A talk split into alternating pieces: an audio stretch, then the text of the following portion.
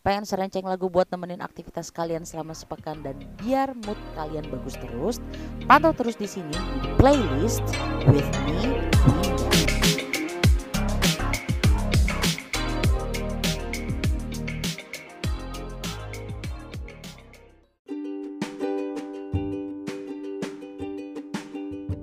Hola. Bom dia. Halo, good morning. Happy Monday. Ketemu lagi kita di hari Senin ya. Kalau udah hari Senin udah pasti udah pengen gak mager-mageran ya kan. Hmm. Jadi ya udah pasti ini hadir lagi kita. Yaitu the playlist Dos Mundos to World Podcast ya kan nah eh kalau di uh, pekan ini uh, yang akan kita coba uh, apa ya kita coba angkat temanya. Sambil juga pasti kita rekomendasiin juga ya untuk lagu-lagunya. Uh, tapi sebelum itu uh, mungkin gue mau uh, coba inilah ya. Bukan ini ya bukan review tapi lebih kayak ke trivia juga sih kalau misalnya uh, genre musik gitu ya kan biasanya kayak ada yang mirip-mirip apa sama apa gitu. Nah nah untuk di episode kali ini gue uh, membahasnya lebih ke uh, apa sih perbedaan uh, jazz dengan bossa nova? Bossa nova. Uh, soalnya to be honest gue dulu juga nggak bisa ngebedain ya gue nggak bisa ngebedain gitu mana uh, apa ya mana si uh, yang jazz murni mana yang uh, ya tadi gitu. Mana yang memang uh, bossa nova gitu. ya cuma tahu kayak lagu-lagunya aja gitu kan ya. Banyak yang uh, memang dari waktu gue kecil gitu. Ya gue pikir sama aja gitu ya um, gininya wah ternyata no no no no. Ya ternyata uh, ya itu adalah dua genre yang uh, gini loh. Kan namanya juga beda dan dari faktor apa? Dari faktor sejarahnya beda ternyata. Ya kan? Nah kalau jazz itu um, ini dari asal usulnya gitu ya. Kalau jazz itu uh, adalah uh, genre musik yang di apa ya bisa dibilang dicetuskan gitu ya. Pertama kali oleh uh, Afro American classical music gitu. Ya jadi memang basicnya di Amerika. Ya itu jazz uh, lahir uh, oleh oleh uh, para uh, apa orang-orang Afro American gitu ya uh, sehingga ya lahirlah si musik jazz itu. Nah sedangkan yang bossa nova ini ya yang kita pikir dia sama sama jazz well di sini uh, kita bisa bilang jazz like. Ya jadi mirip jazz ya tapi ya itu tadi kalau dilihat dari backgroundnya latar belakangnya kalau bossa nova itu munculnya ya atau lahirnya di Brazil gitu. Nah uh, jadi uh, dan uh, influence-nya ya maksudnya menginfluence um, uh, bossa nova dengan ya bossa nova sendiri artinya itu new wave atau new trend. Ya tadi ya salah satu genre musik yang memang uh, ya baru gitu ya saat itu ya, saat itu. Uh, dan um, apa ya uh, ininya gitu uh, terininya juga ya nuansa nuansanya itu adalah apa? Nuansa nuansanya itu tadi uh, kalau siapa bossa nova itu memang uh, ininya ya apa uh, ritmiknya itu ritmiknya itu iramanya itu ya memang agak-agak ada uh, sambanya gitu loh. Hmm ya kan? Terus samba terus juga um, apa ya ya ya ciri khas ya kan samba itu kan memang ciri khas uh, apa ya musik yang memang berasal dari Brazil gitu. Well, oke. Okay.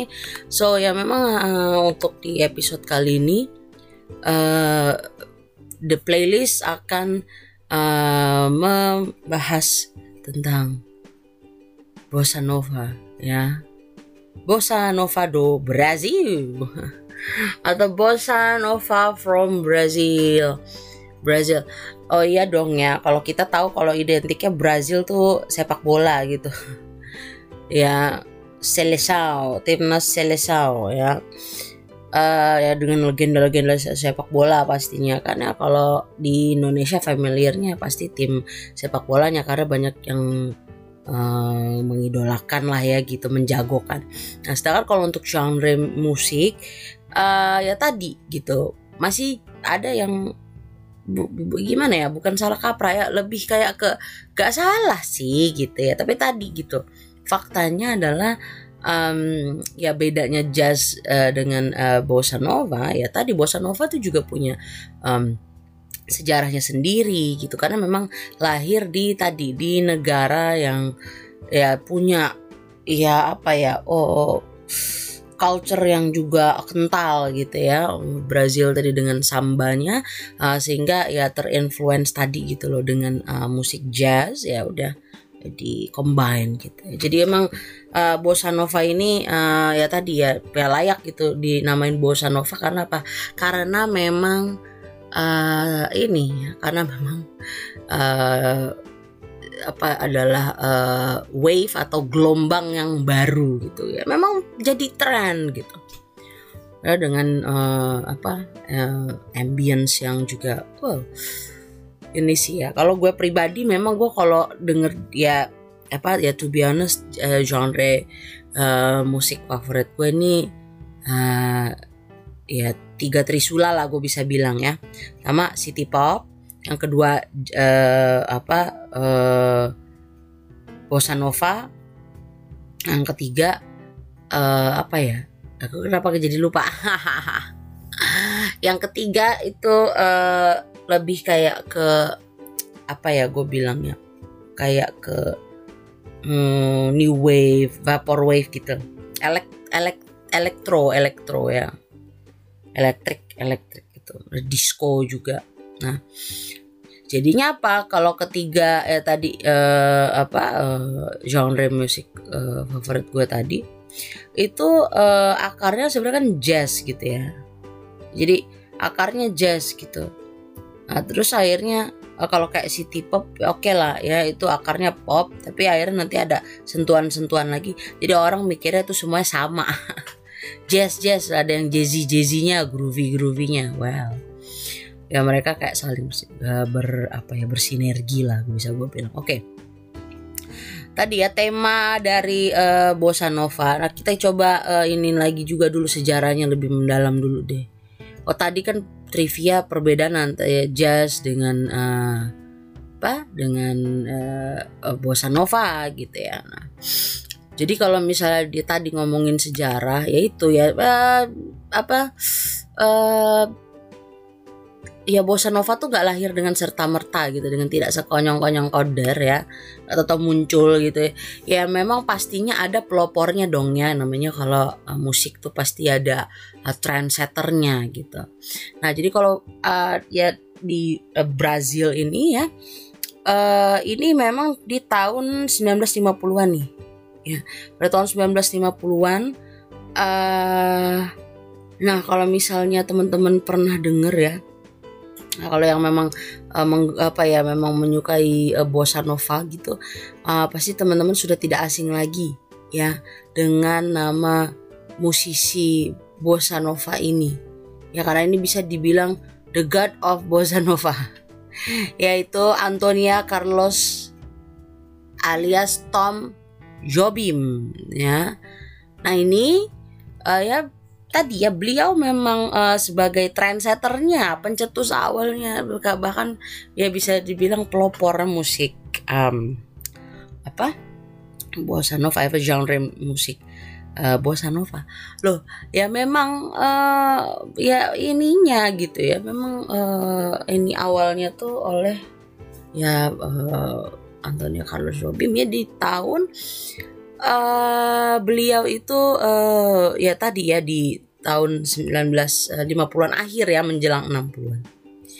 Jadi memang di uh, Brazil itu uh, apa uh, sudah apa ya tadi gitu. Uh, diawali kan kalau kayak unsur-unsur di bossa nova itu nggak lain adalah piano gitu ya terus ya gitar juga.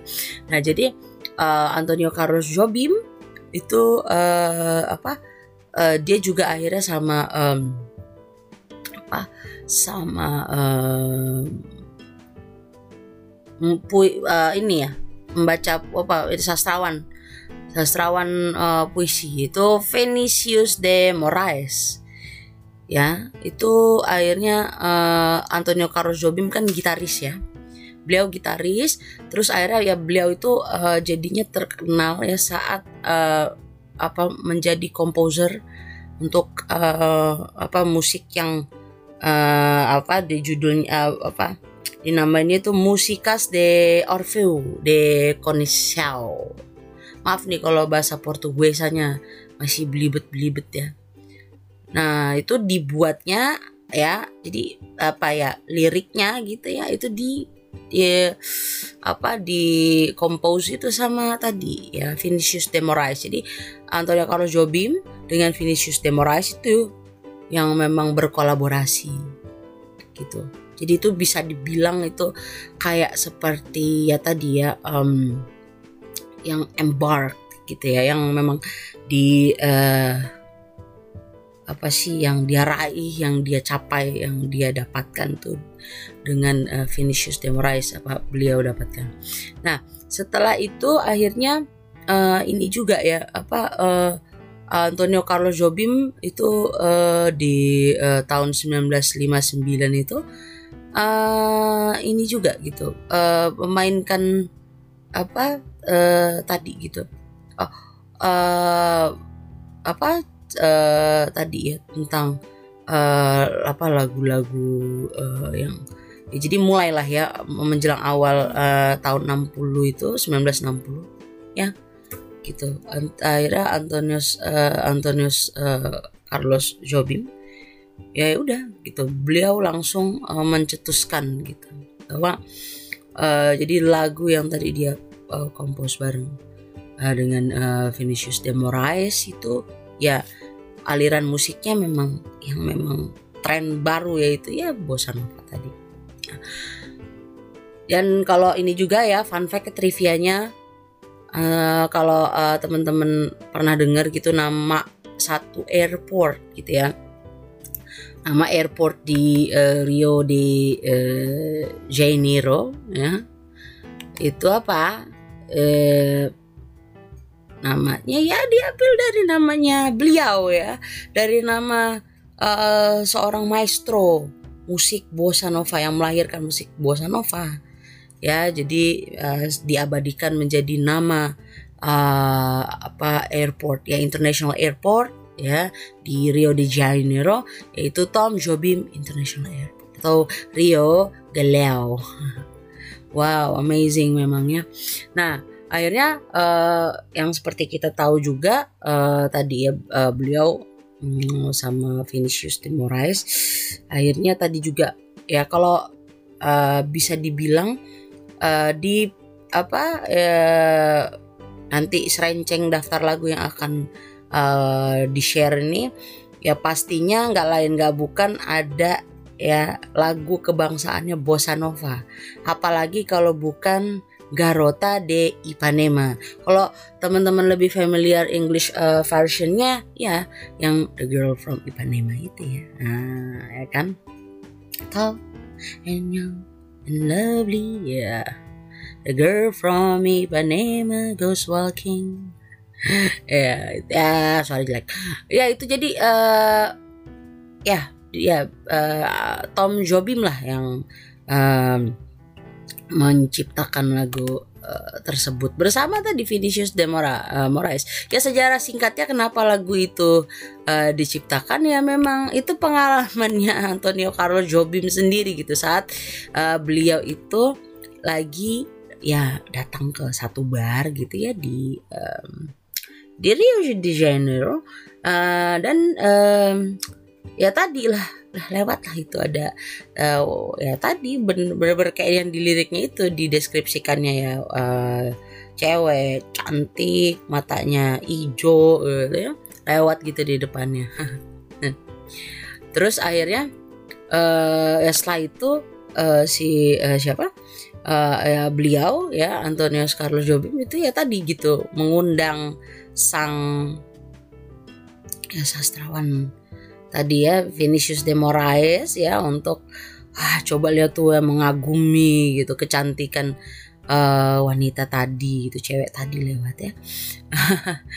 Dan uh, akhirnya pas uh, di liriknya apa sorry uh, makanya kan ada liriknya yang uh, mininya que pasa nah itu artinya adalah the girl who paces. Hmm, ya itu memang itu ya didapatnya ya tadi oleh Vinicius de Moraes bikin. Dan itu juga di uh, tulisnya ini trivia lagi ya. Fun factnya adalah lagunya itu lirik lagu itu pertama kali ditulis di tisu. Wow. Dua maestro tadi yang uh, coba brainstorming brainstorming lirik lagu itu ditulis di tisu. Nah jadi uh, tadi ya itu ya tahun um, ya early uh, early 60s ya ya. Nah, makanya lagu Garota de Ipanema itu ya first recordnya itu di tahun 1962.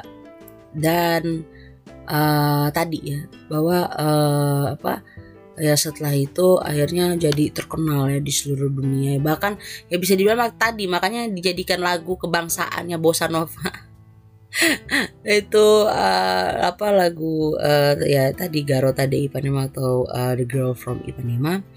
Karena ya juga uh, apa tadi ya uh, dibuat versi English apa ya English versionnya itu pertama kali dia adapted by Norman Gimbel gitu.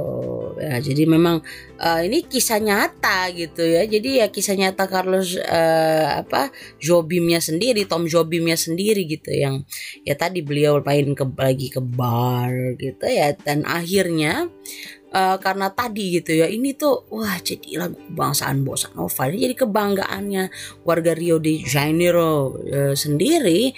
Um, ya udah gitu. Jadi uh, si barnya ini ya udah namanya jadi Garota de Ipanema Bar ya. dan jalan yang dari deket barnya itu dinamain Moraes jadi sebegitu apa ya orang uh, Rio de Janeiro ini sangat me, kayak semacam mengkultuskan uh, beliau berdua gitu ya karena memang sungguh-sungguh uh, berjasa gitu untuk mengharumkan nama Rio de Janeiro dengan ini dengan masterpiece-nya atau uh, genre musik baru itu tadi ya bossa nova. Oke. Okay. Jadi uh, ya tadi kalau ya uh, sejarahnya uh, bossa nova terus asal usulnya ya uh, gimana bisa mencobahkan ya tadi ya bahwa uh, pelopor uh, pertama pelopor uh, Antonius Carlos Jobim itu juga sampai diabadikan namanya menjadi uh, nama International Airport uh, Rio de Janeiro International Airport. Wow. Gitu. Jadi yang gue juga uh, mau share di sini ya lagu-lagu uh, bossa nova itu ya sangat-sangat inilah ya yang kalau gue rasain juga lagu Garota de Ipanema itu Eh, juga bisa dibilang lagu bossa nova yang uh, apa yang setelah gua resapin memang ya sebagus itu gitu ya. Gua kalau ya, waktu kalau gue jalan-jalan uh, waktu gue lagi ke Bali gitu, terus gue uh, lagi ke satu pantai atau ya ke pantai apa pun, itu gue pas lagi uh, menginsta story lah ya gitu ya, lagi bikin-bikin story, lagi ya upload-upload ke sosmed, itu lagunya pasti yang gue pakai ya lagu-lagu bossa nova ya terutama ya lagu-lagu ya tadi dari uh, Tom Jobim gitu ya bossa novanya ya karena kayak menurut gue tuh pas aja gitu temanya. Pantai gitu ya sama aja kayak di Rio de Janeiro gitu ya. Oke okay. dan uh, jadi ini beberapa lagu yang uh, akan ya, tadi ya serenceng daftar lagunya.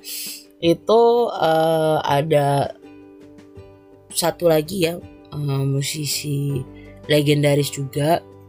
Ya kalau tadi Tom Jobim ini raja bossa nova nah ini bisa dibilang adalah pangeran bossa nova itu Joao Gilberto. Nah uh, Joao uh, Joao Gilberto juga uh, munculnya itu ya memang uh, apa ya ya bareng gitu loh dengan uh, maksudnya berbarengan dengan uh, Tom Jobim dan Vinicius de Moraes itu. Jadi uh, ya uh, apa uh, siapa uh, mem, uh, Tom Jobim menjadi uh, apa ya, ya produser lah ya bisa dibilang produser di albumnya Joao Gilberto itu dari tahun 1959 sampai 61. Nah makanya akhirnya uh, Joao Gilberto ya terkenal ya. Maksudnya dikenal dari Chantero uh, internasional gitu di mancanegara. Itu di tahun 1961 dan kalau ya teman-teman ya yang emang fans uh, genre musik bossa nova ya yang terkenal satu adalah lagu Corcovado itu. Ya Corcovado juga ada English versionnya ya ya Quiet Nights. Hmm. nah itu juga uh, kalau ya bisa kita dalami juga. Ini lagunya tuh emang aduh gue tuh berpikir gini ya kadang gue kalau lagi susah tidur gue bingung ya gue mau dengerin lagu apa udah gue pasti dengerinnya bossa nova. Karena memang itu eh mendayu-dayu dan uh, ya tadi ya soothing gitu menurut gue pribadi. Dan lagu Corcovado ini kan memang sesuai gitu ya quiet night White Stars. Kalau di uh, translate uh, apa English version eh, uh, English versionnya ya kan. Uh, gitu. Jadi Joao Gilberto ini juga uh, ya bisa dibilang legend ya, uh, legend dari uh, bossa nova gitu. Nah, dan setelah itu uh, ini yang gue coba uh, share di daftar, yang share di daftar adalah uh, ada uh, Os Korikas yaitu uh, kayak bisa dibilang band lah ya. Itu ada lagunya Moshi Moshi nah itu lagu Moshi Moshi Moshi Moshi kan bahasa Jepang ya? Ya nanti coba aja.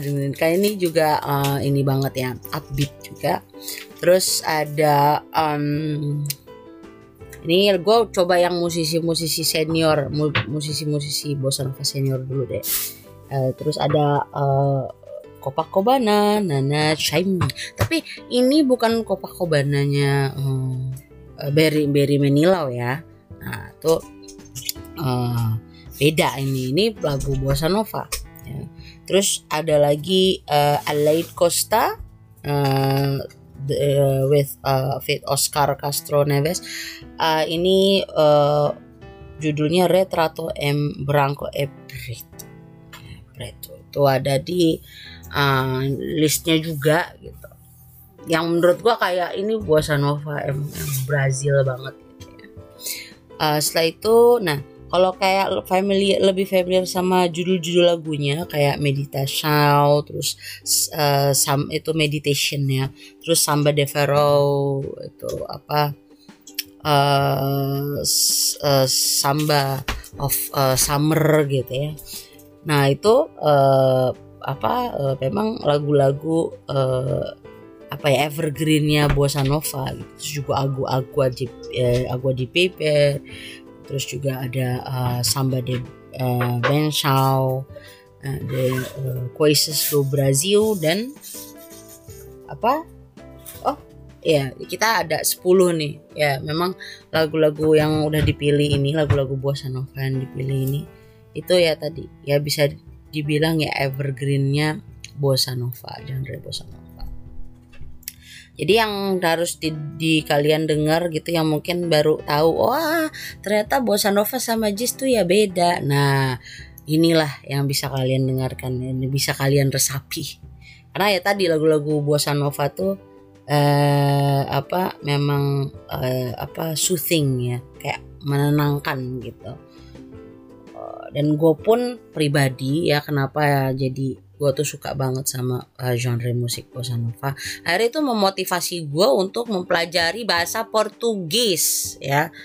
Ya kan bahasa Portugis itu kan ya bisa dibilang ya memang bahasa orang Portugal, tapi ya orang Brazil ya secara mereka ya dijajah oleh Portu Portugis gitu ya. Nah, jadi bahasanya juga bahasa Portugis, tapi bahasa Portugis Brazil ya yang memang sedikit berbeda gitu dengan uh, Portugisnya Portugal. Jadi ber, uh, Portugisnya uh, siapa Portugisnya Ronaldinho berbeda dengan Portugisnya uh, Cristiano Ronaldo. ya seperti itu makanya itu yang memotivasi gue juga untuk mempelajarin bahasa Portugis gitu dan lumayan lah ya dari bossa nova jadi kita tahu beberapa kosakata dan bahkan pronunciation uh, ininya ya pronunciation kosakatanya gitu. Jadi seru aja gitu belajar uh, bahasa dari uh, lagu ya. Itu akan lebih kayak lebih cepat uh, meresapi gitu. Oke. Okay. uh, jadi um, semoga uh, tadi ya kita lebih uh, ya mendapat insight baru gitu bahwa between jazz and bossa nova itu uh, dua genre yang berbeda karena memang latar belakangnya juga beda. Oke, okay? so thank you so much, obrigado, obrigado. Itu kalau bahasa uh, Portugis ya terima kasih ya. terima kasih udah uh, dengerin the playlist ya di Senin kali ini uh, nanti ya pastinya kalau playlist itu akan tadi ya membahasnya apa sih kayak ya itulah ya uh, uh, mungkin lagu-lagunya itu yang uh, tematik-tematik yang unik-unik lagi. Oke, okay, so sampai ketemu lagi di episode selanjutnya and see you around.